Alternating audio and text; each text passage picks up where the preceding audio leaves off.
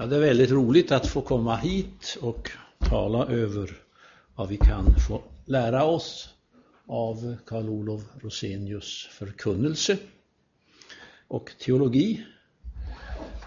Den har betytt oerhört mycket för mig själv.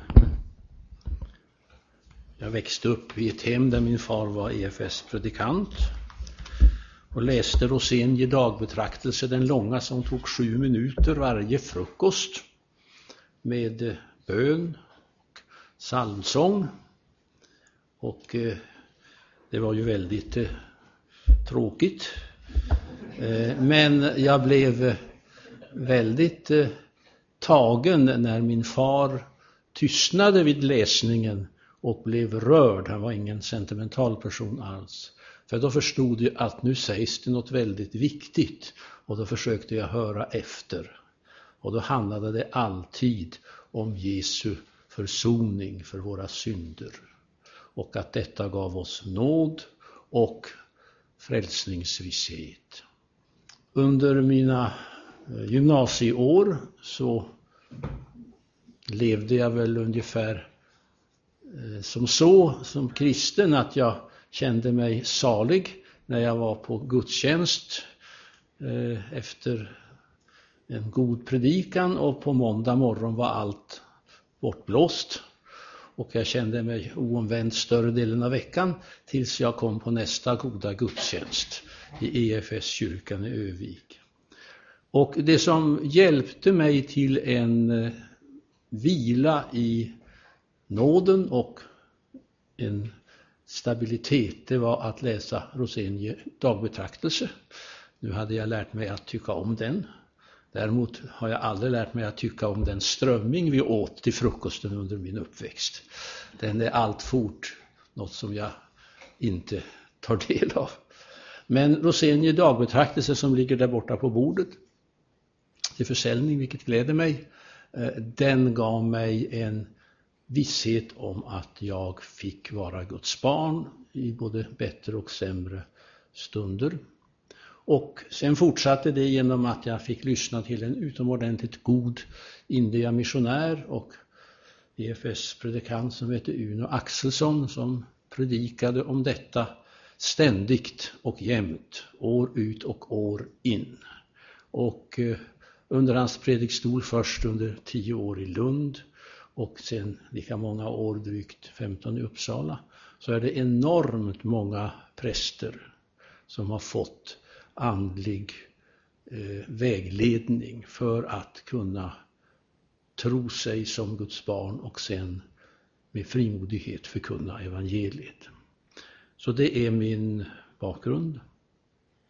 Jag har sen varit rektor på Johannelunds teologiska högskola ett antal år, drygt 20, och varit lärare där i fem, varit missionär och lärare för blivande präster i Etiopien i sju år och en hösttermin dessutom i Asmara i Eritrea.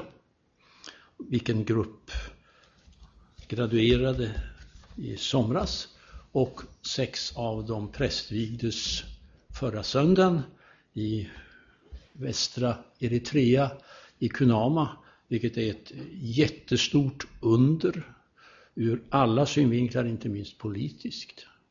Det är nästan det mest eh, krigshärjade, sönderkörda området efter Kongo-Kinshasa i, i, i Afrika. Och att sex unga pojkar fick bli präster utan att hindras av regimen och skickas ut till militärtjänst, eh, det är ett stort Guds under. Och där har Ingrid och Per-Gunnar Hjalmarsson från Alingsås gjort en enormt stor insats att försöka ge trosmod åt en folkgrupp, en minoritetsgrupp som är oerhört hårt sliten av århundradens krig. Så det är min bakgrund mycket kort. Rosenius, vilken var det? Ja, om man ska vara sådär lite fyndig så var det en misslyckad teologisk student som blev 1800-talets kioskvältare. Och det är fullständigt sant.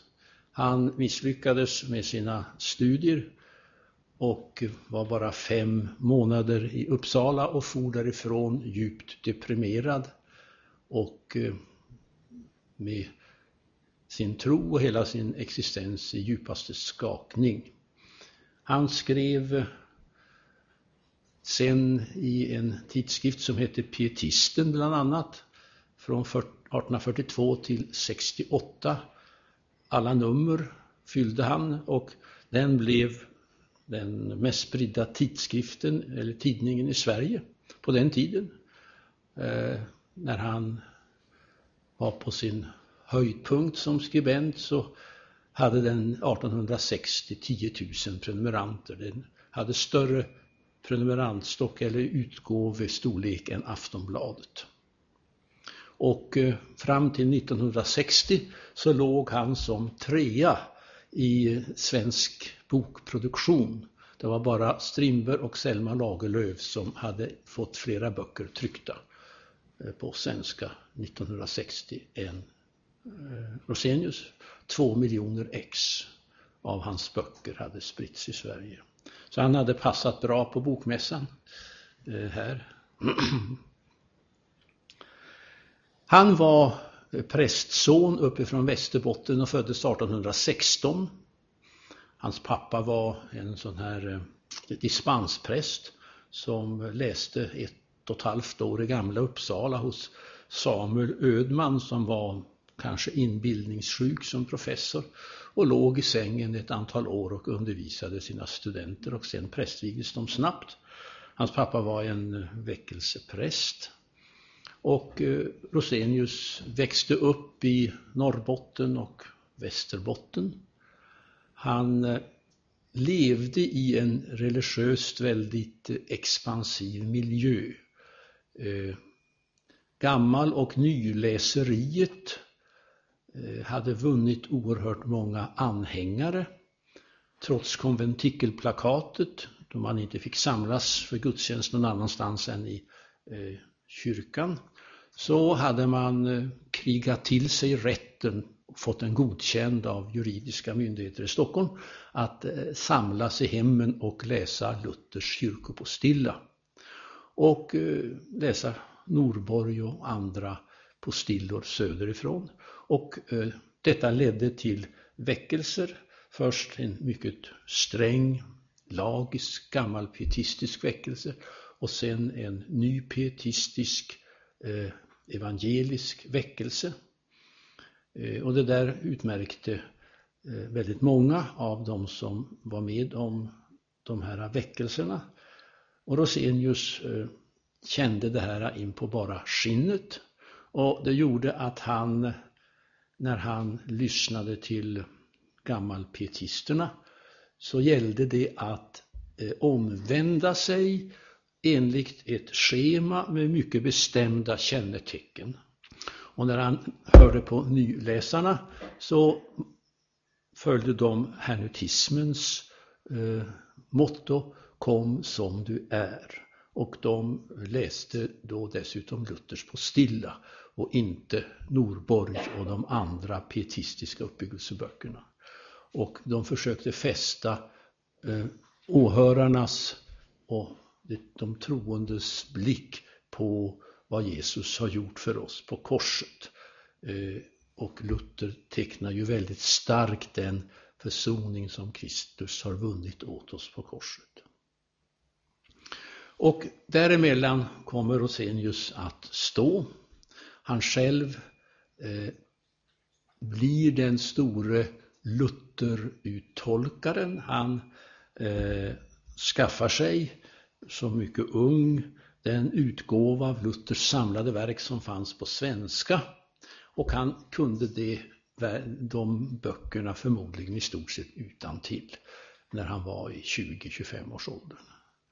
Och när han sen predikar och skriver i Pietisten så liksom tar han ibland från minnet eh, en halvsida utan att ange att det är Luther han citerar och ibland så kommer han ihåg då vad det står hos Luther och så skriver han det att så som Luther säger.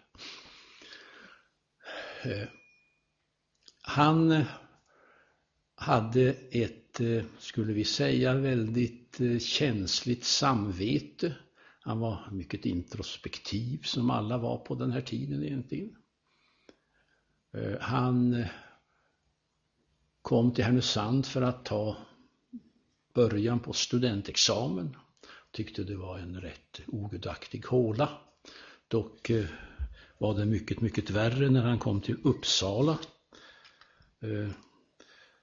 Det kunde han ju säga att där så rådde all möjlig ogudaktighet. Ska se om jag hittar hans eh, mycket eh, pregnanta utlåtande om hur det var på kvarteret Pistolen över Slottsgatan. Han bodde i ett hus eh, mitt emot det hus där August Strindberg sen bodde. Här är ett gruvligt mörker, tjockare än det egyptiska och ett leverne värre än det sodomitiska, dryckenskap otukt grovt, svärjan, grovt svärjande och alla laster går skamlöst i svang. Eh, Johan Olof Wallin var ärkebiskop på den tiden. Erik Gustaf Geijer var det stora ljuset. Eh, Kyrkohistorieprofessorn Falkrans var en läsarnas fiende och sa en läsare är en galning som har en smula fromhet men inte något huvud. Och han säger att under dessa fem månader träffade han inte en enda kristen broder, möjligtvis en skomakare som kunde vara kristen. Han kom aldrig i kontakt med den teologiska fakultetens lärare och han var utan pengar och han var sjuk och han hade haft grava Eh, psykiska besvär skulle vi säga åren innan, speciellt när han viatiserade som det hette förr i världen. Präster eh, gick runt i sina stift och tiggde pengar till bekostande av sina studier. Det var vanligt i alla stift i Sverige. Och här i Göteborg måste det ha varit ett fynd att viatisera med en så stark kyrklig tradition så för prästerna härifrån gick det säkert väldigt bra att få ihop pengar. Men att göra det här i Norrland, Ångermanlands inland, det var dömt att misslyckas fullständigt. Ja, min mor har själv haft en släkting som blev präst och knäcktes psykiskt av detta. Eh, nåväl. Eh, han kom då till en herrgård söder om Stockholm i Länna där han blev informator för att överleva eh, ekonomiskt. Och där så kom han in i nya djupa tvivel om Gud finns och om Bibeln är sann. Och det var oerhört djuptgående djupgående invändningar. Det var inte bara pubertetskrisfrågor utan hela hans livsgrund skakade fullständigt. Och då hörde han talas om att det fanns en Eh, pastor som hette Scott i Stockholm eh, som eh, var metodist och det var lite betänkligt tyckte han för han var ju själv en Lutherläsare. Men han kände sig ingen råd. Han frågade en from gammal svensk präst men tyckte sig inte få någon hjälp. Så han gick till Scott som ju var insläppt av nåd eh, på grund av att vi skulle bygga upp vårt järnvägsnät och vår industri. Och då gjorde svenska staten undantag för eh, engelska arbetare som man kallade in som var specialister på detta och de måste då få eh, andliga vägledare så då släppte de in metodistpastorer som skulle sköta om detta och Scott var en av dessa. Det var en utomordentligt driftig kar. En sån där riktig entreprenörtyp av Guds stora nåd. Idag skulle han ju ha gått i världstoppen direkt vad han än hade ägnat sig åt. Han kommer till det alltså oerhört konservativt eh, eh, inskränkta lutherska Sverige där man ju knappast tillät en katolik att sätta foten på landet. Eh, så där så satte han liv i Evangeliska sällskapet från 1808 som spred traktater. Han eh, hjälpte till att sätta liv i Bibelsällskapet som snabbt som tappade far, styrfart. Han grundade Svenska nykterhetssällskapet 1837. Han satte igång Missionstidningen 1834 och han var med och grundade Svenska Missionssällskapet 1835. Och 1839 var han i Njutånger. Jag var där förra söndagen och predikade. Han var där 1839 på ett nykterhets och missionsmöte med 3000 deltagare. Vi var 52 stycken i söndags, så det är lite skillnad. Eh, han fick med sig Johan-Olof Wallin, ärkebiskopen, på många uppslag eh, och blev väldigt respekterad av eh, ärkebiskopen. Men han blev oerhört avskydd av eh, massmedia eh, under ledning av Aftonbladet. Och det var ständig kamp för honom och hans lilla metodistiska församling på 30 medlemmar ungefär. Han grundade en fri, Eh, byggde en kyrkolokal som hette Betlehemskyrkan eller den engelska kyrkan som invigdes 1840. Det är den första kyrkobyggnad i Sverige som inte officiellt stod under Svenska kyrkans domvärjo. Eh, han fick biskop Tomander som sen blev, nej, professor Tomander från Lund eh, som sen blev professor, nej, som sen blev biskop att predika och Per Brandell, kyrkoherde i Nora från det område där mina, mina förfäder kommer, Höga Kusten, Ångermanland. Per Brandel var en väckelsepredikant skolad i Pitebygden, med samma bakgrund som Rosenius, men tidigare. De två ställde upp och predikade men utsattes ju sen för mycket kyrkliga politiska angrepp. Det var till honom eh, Rosenius kom och eh, Scott hjälpte honom eh, på ett terapeutiskt väldigt klokt sätt. Han sa till sist, gå hem och sätt upp en pro-kontra-lista på vad som är sant i Bibeln och vad som är fel i Bibeln. Och så gör du en jämförelse, vad väger tyngre? Och när du sätter upp det som är sant i Bibeln, då är det alla de bibelställen och passager som har eh, låtit dig eh, få tro och ljus och hopp och givit dig en övertygelse om att du är Guds barn. Och eh, Rosenius hade haft flera sådana erfarenheter. En av dem som han inte eh, gör så mycket av, men som ju måste vara väldigt betydelsefull, var ju när han ungefär som 17, 18 eller kanske 20-åring eh, ser in i himlen när han läser Uppenbarelseboken 5. Eh, han är väldigt skeptisk mot alla övernaturliga syner och uppenbarelser och sånt hos kristna för att de flesta då på 1850-talet och 40-talet, det var ju mycket galenskap i det som han fick gå till rätta med i pietisten. Men han fick alltså se in i himlen som Johannes och där så står den stora skaran och sjunger till Lammet, du är värdig att ta boken, bryta dess sigill, ty du har blivit slaktad och med ditt blod har du friköpt åt Gud, människor av alla stammar och språk, länder och folk. Eh, detta måste ha varit antingen en slags vision eller syn, eller att Guds ande kastade ett enormt ljus över den här versen när han läste den, så han liksom söks in fullständigt i den. Och sen dess så var han helt övertygad om att ska man predika någonting om Gud, ska man säga någonting om kristendomen, så ska det absolut först och sist handla om lammet som blev slaktad. Det är det absoluta centrum i kristendomen, det är det absoluta unika i hela kristendomen. Och när den himmelska härskaran koncentrerar sig helt på den sången, vad ska vi då inte göra här? Vi bör också koncentrera oss på den sången och på det budskapet. Och det gav honom då en enorm visshet. Och eh, när han nu gör den här pro-kontra genomgången så plockar han ju in sådana saker på pro-sidan. Och det kommer sen att bli den bärande tonen i hans förkunnelse under hela livet och det som han så att säga har blivit mest känd för.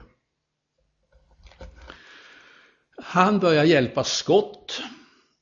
Han får predika någon gång i Engelska kyrkan, fast på svenska givetvis. Scott drivs iväg av mobben och Aftonbladet och massmedia i Stockholm. Det är en skandalös historia. Eh, 42 i juli så står Eh, Rosenius på kajen och viftar av Svitjod med Scott och hans familj som tvingades fly. Och eh, eh detta är inte sista gången som Rosenius upplever förföljelse. Eh, när vi sjöng här i sången med Gud och hans vänskap. Eh, den är skriven 51, 1851. Och han säger då i andra versen, i stormiga tider bland töcken och grus en skarad och skrider mot himmelens ljus. Och så fortsätter han, den korsmärkta dräkten, vers 4, med smednamn jag tar om ingen i släkten det namnet och har och följer med glädje i kämpar med er. Eh, det här är alltså någonting han själv har upplevt in på bara skinnet. För när han håller konventiklar och möten i Stockholm så under 40-talet så står det alltid en skara utanför för att dels trakassera de som har varit på mötet. Och eh, eh det här kulminerar när Jenny Lind blir eh, omvänd och det sprids ryktet då i de fina kretsarna i Stockholm att det är Rosenius som är hennes själavårdare. Då, då, då blir man alldeles rasande. Och eh, det är mot bakgrunden av de förföljelserna som han skriver den här versen.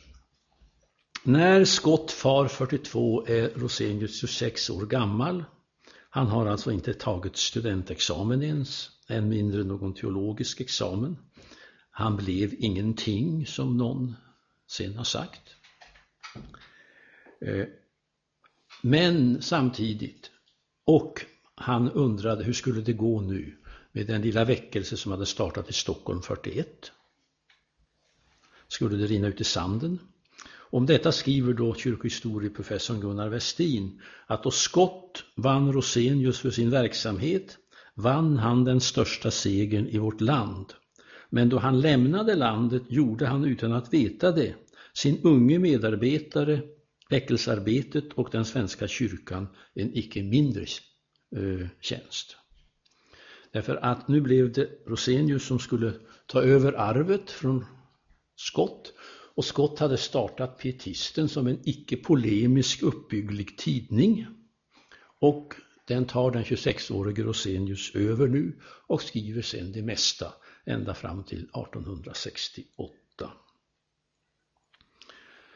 Eh, han tar också över Missionstidningen som hade startat 1834 och för att eh, klara av att skriva om yttre mission så måste han läsa på och Rosenius är bland de mest belästa personerna på 1840-50-talet om internationell mission. Han läser engelska och tyska tidskrifter för allt vad han är värd och han citerar. Han deltar faktiskt också i den internationella politiska debatten så tillvida att han kritiserar England oerhört skarpt för deras eh, kolonisation i Kina och för deras eh, eh, opiumkrig. Och han tar eh, delvis eh, eh, Kina i försvar. Och detta är mycket intressant därför att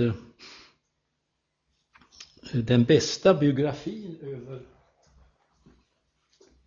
Rosenius, den bästa teologiska analysen och biografin över Rosenius är skriven av före domprosten i Köpenhamn, Werner Hansen. Den här boken kom ut 1987, så den är rätt så ny.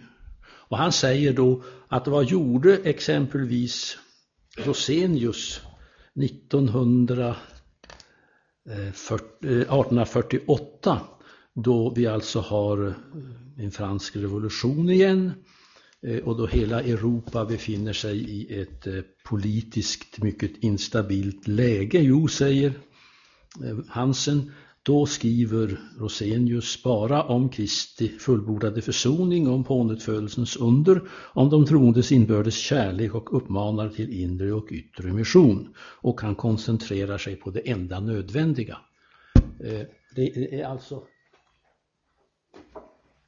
inte riktigt korrekt. Rosenius var faktiskt mycket väl informerad om vissa internationella kriser och händelser. Men det är riktigt, han koncentrerade sig på detta. Eh, han fick tackla Erik Jansenismen eh, och han kommenterade alla galenskaper som dök upp med dansarsekter som dansade nakna som Adam och Eva för att vara riktigt fria från lagen och den där stilen. Det fanns mycket sånt som ju sen då den eh, världsliga pressen älskade att skriva utförligt om redan då. Han tar avstånd från detta i pietisten och liksom försöker vägleda eh, väckelsefolket. Och den stora väckelsen, den stora nyevangeliska väckelsen kommer 1851 till 56 då hundratusentals människor kommer till tro i Sverige runt om i landet och samtidigt så kokar det eh, i opposition emot konventikelplakatet som inte upphävdes från 1856, eh, 1858. Eh, det kokar vad gäller den politiska ledningen, man vill avskaffa eh, ståndsriksdagen. Eh, nu kommer nya teologiska riktningar in, eh, baptismen och ett oerhört starkt tryck på att det ska bli religionsfrihet i Sverige. Och svenska ärkebiskopen råkar ju förskräckligt illa ut i den internationella evangeliska alliansen när de upptäcker att Sverige förföljer andra trosbekännare trots att man är med i Evangeliska alliansen. Eh, så det är oerhört fatalt för, för svensk kyrkoledning att vara så bakom flötet så att säga. Eh, och här är då eh, Rosenius på den sida som givetvis vill ha religionsfrihet men han gör inte mycket väsen av det. Det kommer när Gud vill. Det är ungefär hans ståndpunkt. Och försvinner ståndsriksdagen? Ja, det gör det när Gud vill. Han, han går inte mer in på den politiska eh, verkligheten. Hans hälsa den blir sämre och sämre. Men han skriver som sitt sista stora arbete en kommentar i två tjocka band till Romarbrevet. Och det fyller pietisten då i sex år ungefär. Och detta för att eh, stabilisera väckelsen. Han försöker hålla den inom Svenska kyrkan. Han försöker eh, så att säga, eh, vara lojal mot Svenska kyrkans ledning. Han är lojal i det avseendet att han aldrig ställer sig i en predikstol nästan utan ställer sig i gången när han predikar eftersom han inte är prästvigd. Men det är klart, det gör ju att han kommer närmre folket eh, och hans folkliga framtoning uppskattas givetvis. Eh, han kommer hit till Göteborg i maj och ska predika i Johanneskyrkan som just har invigts av Wieselgren, mm, Peter Wieselgren och Fjellstedt är med som kommunister. Och på pingstdagens eftermiddag ska han alltså predika Rosenius och han kommer upp i predikstolen och får en stroke och kan inte läsa bibeltexten och han säger några osammanhängande fraser och då går Wieselgren och Fjellstedt upp och hämtar ned honom. Och eh, sen så återhämtar han sig men han är dålig och avlider året efter 1868. Hans böcker, eller hans eh, litterära produktion har alltså getts ut i bokform som vi sa och nu är han översatt till minst 35 språk.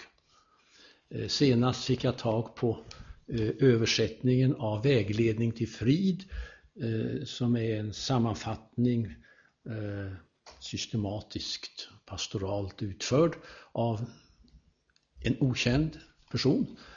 Eh, det är en briljant sammanfattning av hans teologi, den finns att köpa där nere på bordet. Jag såg en rysk översättning av den bara för ett, två år sedan exempelvis, så den säljs i Ryssland nu.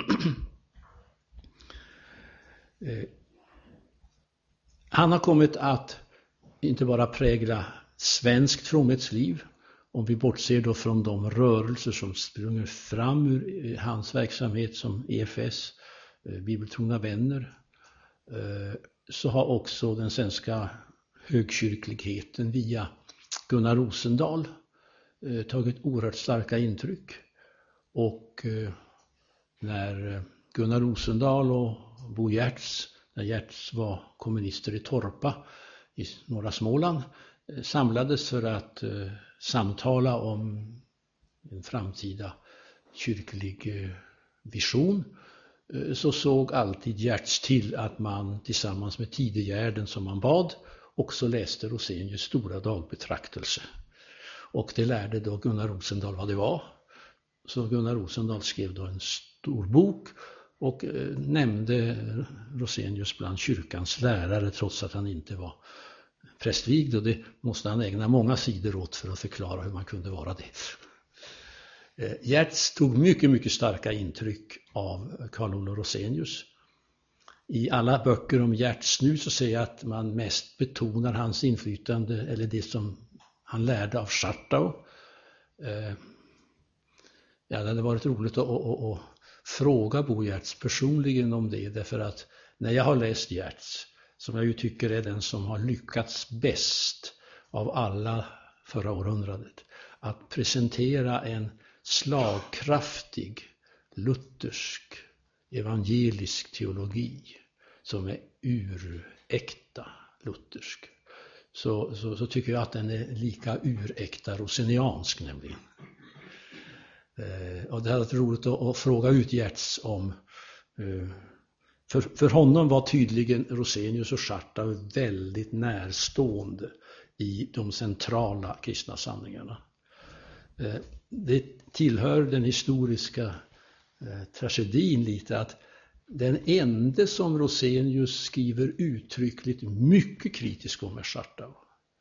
Och då är det Schartaus sätt som han uppfattar att använda nådens ordning som en slags eh, spikrak, eh, oerhört detaljerad, eh, diagnostisk färdvisare, vilka tillstånd man måste ha passerat innan man kan anse sig som kristen. Och det reagerade Rosenius oerhört starkt emot var än han mötte det.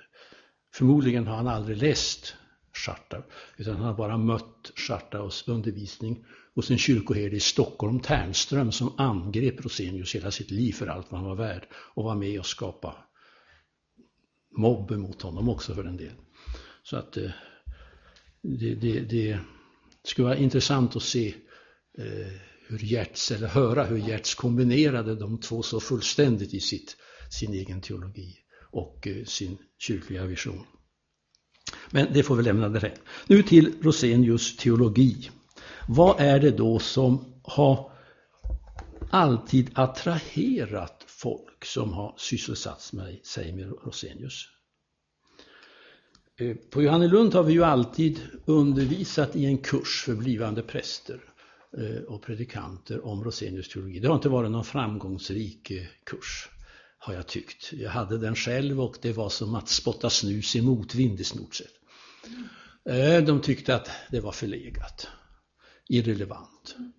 Det intressanta är nu att på 2000-talet så är det ett stigande intresse för den kursen och det är fler och fler som uttrycker stor tacksamhet.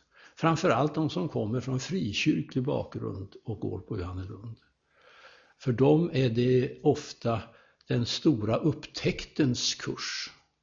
Då man förs till en insikt om att allt hänger på Guds nåd helt och hållet och inte på min avgörelse och min eh, omvändelse i första hand, utan att det hänger på Guds nåd i Jesus Kristus.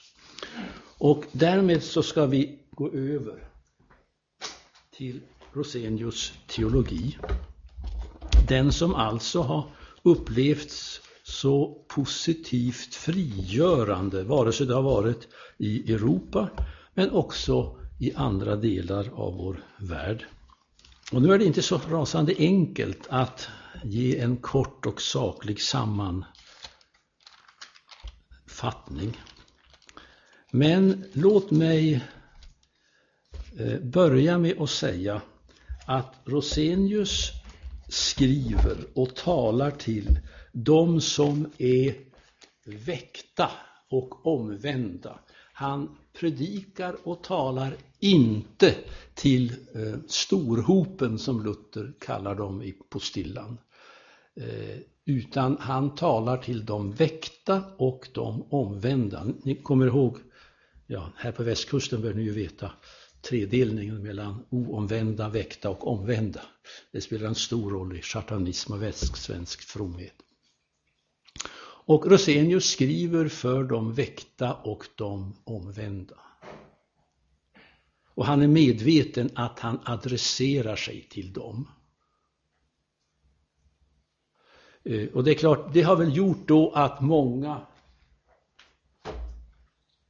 Johanne Lundare har tyckt att eh, det är inte så viktigt det han säger eh, för oss idag eftersom vi så att säga har vårt, vår stora uppgift att nå de icke troende, de icke kyrksamma, de som aldrig går i kyrkan med evangeliet och bör satsa allt på att kommunicera det till dem. Men jag har ju lagt märke till att eh, detta att koncentrera sig på de som går i kyrkan, de som utgör kärnan i kyrkan, det må vara frikyrka eller Svenska kyrkan. Eh, och vägleda dem till en djupare förståelse och ett djupare eh, tillägnande av frälsning och nåd och rättfärdighet. Eh, det är ju en utomordentlig viktig uppgift. Och jag har sett i utifrån nu ett helt livs arbete.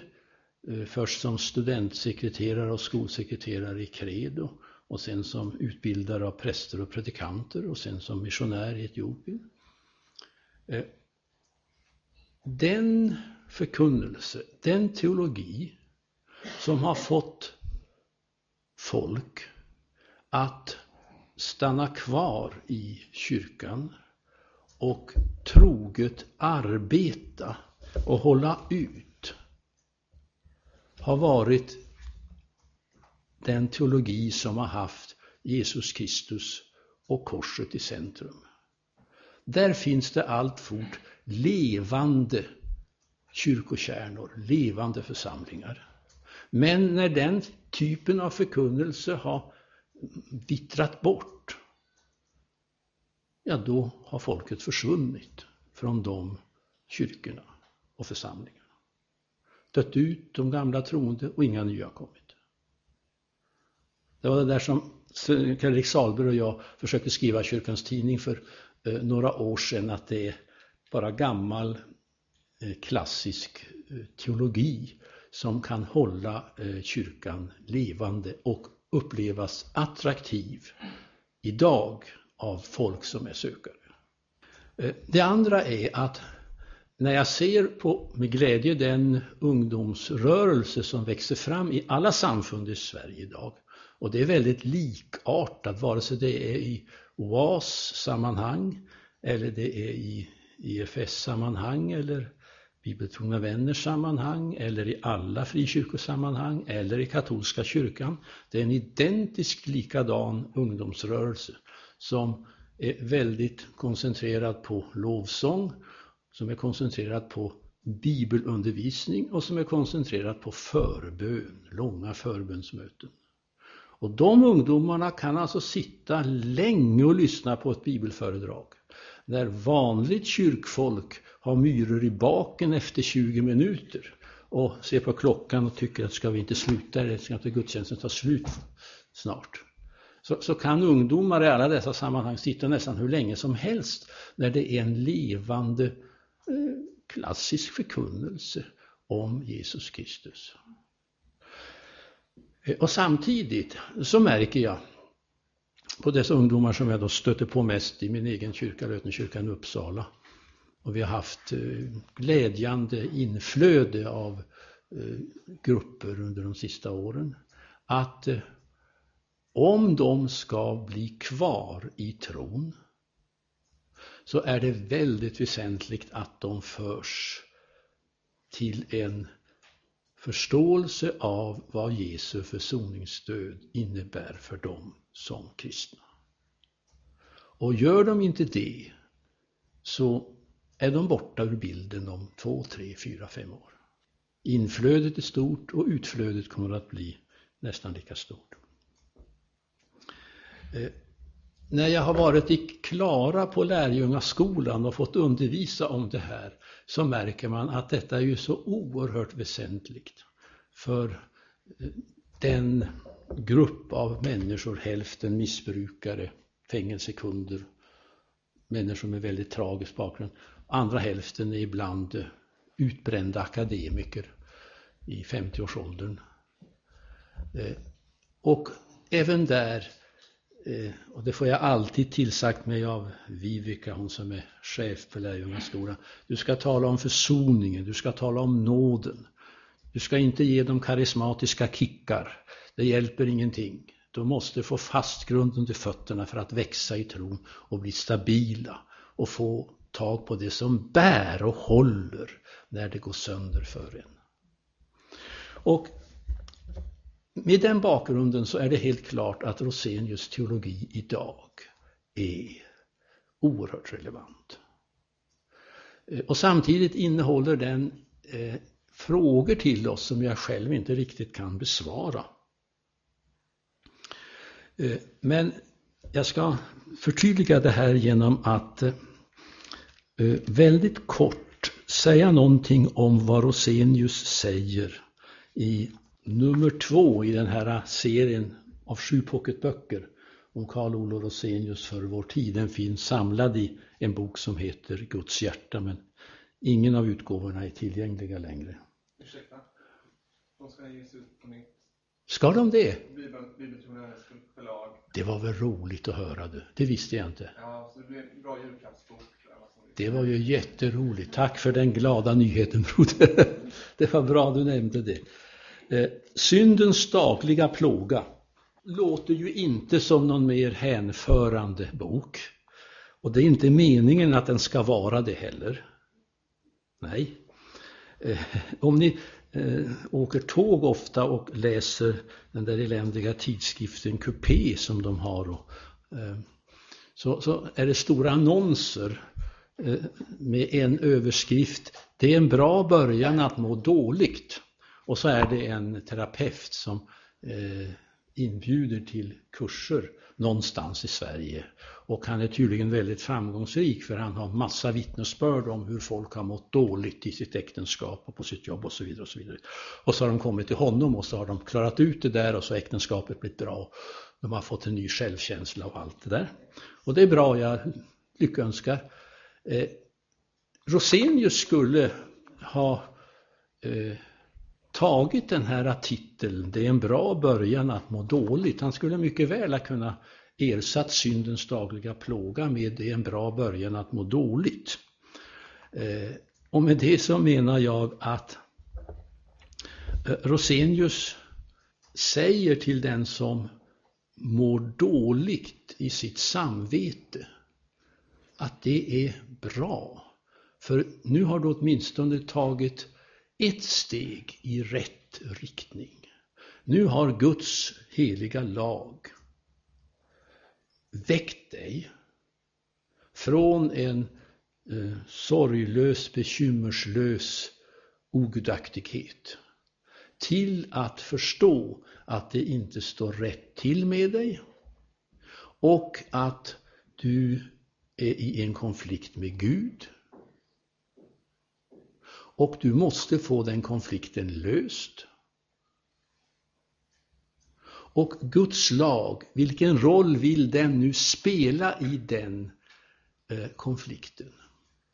Ja, faktiskt, Guds lag vill göra den konflikten tydligare, vill medvetandegöra den, vill förstärka den och förstora den. Ja, Guds lag vill döda dig. Eh, och då måste man ju förklara det givetvis. Eh, därför att när människan som nu har börjat att ta det här med Gud på allvar och börjat att upptäcka att det finns ett krav som utgår ifrån Gud på oss, att vara heliga som Gud är helig.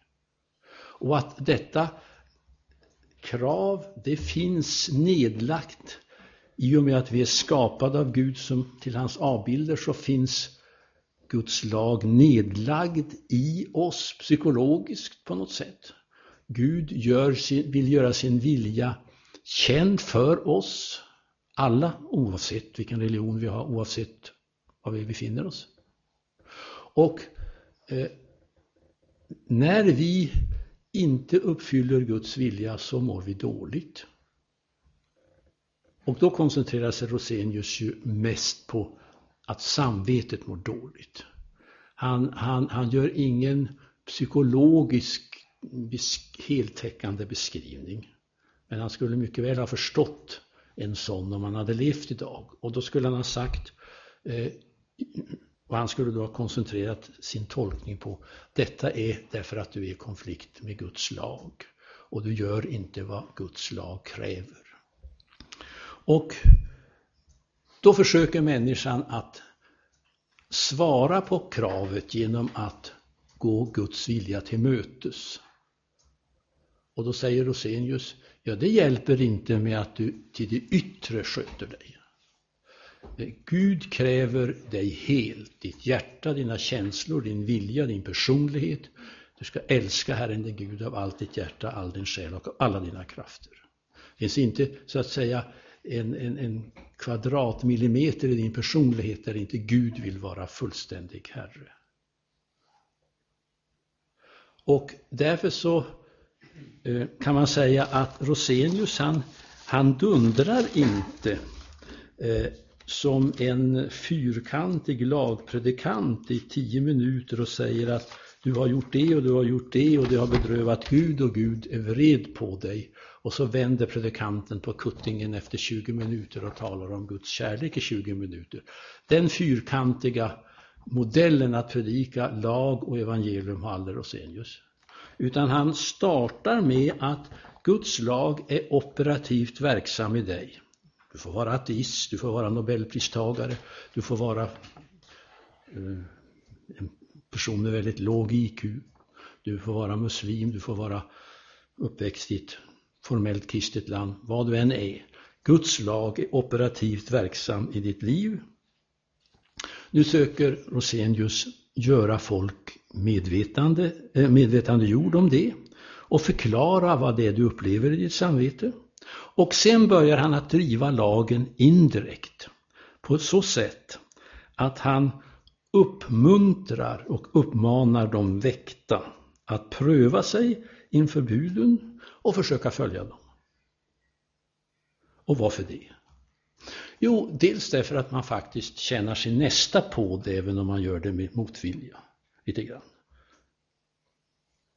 En, en, en tvivelsjuk kristen som är osäker, ung människa som är osäker om han hon är kristen eller inte. Och, ja, det går inte att bedja, det går inte det, det går inte det. Så kan man ge vederbörande en spark i baken och säga, försök gör någonting för en kamrat. Försök lägga det ut för en medmänniska så du får något annat att tänka på än dig själv med din eländiga introspektion. Det skulle Rosenius säga. Men han skulle också säga, det är väldigt bra att du gör det. Därför att om du satsar helt på det kommer du upptäcka hur, vilken eländig egoist du är i botten. Och så vill lagen alltså driva oss till en situation då vi resignerat ger upp. Och antingen måste nu Gud frälsa oss av nåd eller så ger vi hela kristendomen på båten. Så lagens uppgift är inte att göra oss bättre utan sämre. Så vi ser att nu har vi alla sjukdomar som finns på jorden och de är dödliga allihop. Och nu finns det ingen mänsklig medicin för någon av de här sjukdomarna. Annat än att lyssna på vad Gud har gjort i Jesus Kristus. Det är innehållet i syndens dagliga plåga. Och han säger, det här är ingen erfarenhet som man gör bara en gång när man blir omvänd eller frälst. När man avgör sig för Gud. Utan det här är någonting som, så att säga, kan komma tillbaka många gånger i en kristens liv. Fördjupa hennes syndakännedom och också göra att hon ropar ännu mer på att bli, få nåd från Gud. Så om hon så att säga, när hon första gången sätter tro till Guds nåd så har hon så mycket det är så mycket nåd hon, hon omfattar. Där hon gör det tionde gången är det så här mycket nåd. Och eh, det är därför som äldre kristna behöver höra eh, eh, så mycket om Guds nåd. I, i Lötenkyrkan när jag predikar eh, om sådana här saker och jag märker att nu går det fram, så, så har jag konfirmanderna som har avgjort sig för Kristus på Credos sommarläger eller andra läger. De är med på noterna. De, de suger till sig väldigt. Det andra är de 80-90-åriga missionärerna som sitter där. De suger till sig alldeles enormt. Och skulle några kunna bli frälst på goda gärningar så är det somliga av dem. De skulle kunna få medaljer om man visste vad de hade gjort mänskligt uppskattande medaljer. Men det är de två grupperna som suger till sig nådesbudskapet. Och då är frågan, vilket nådesbudskap är det då som Rosenius vill komma med? Och nu är det dags för en bensträckare.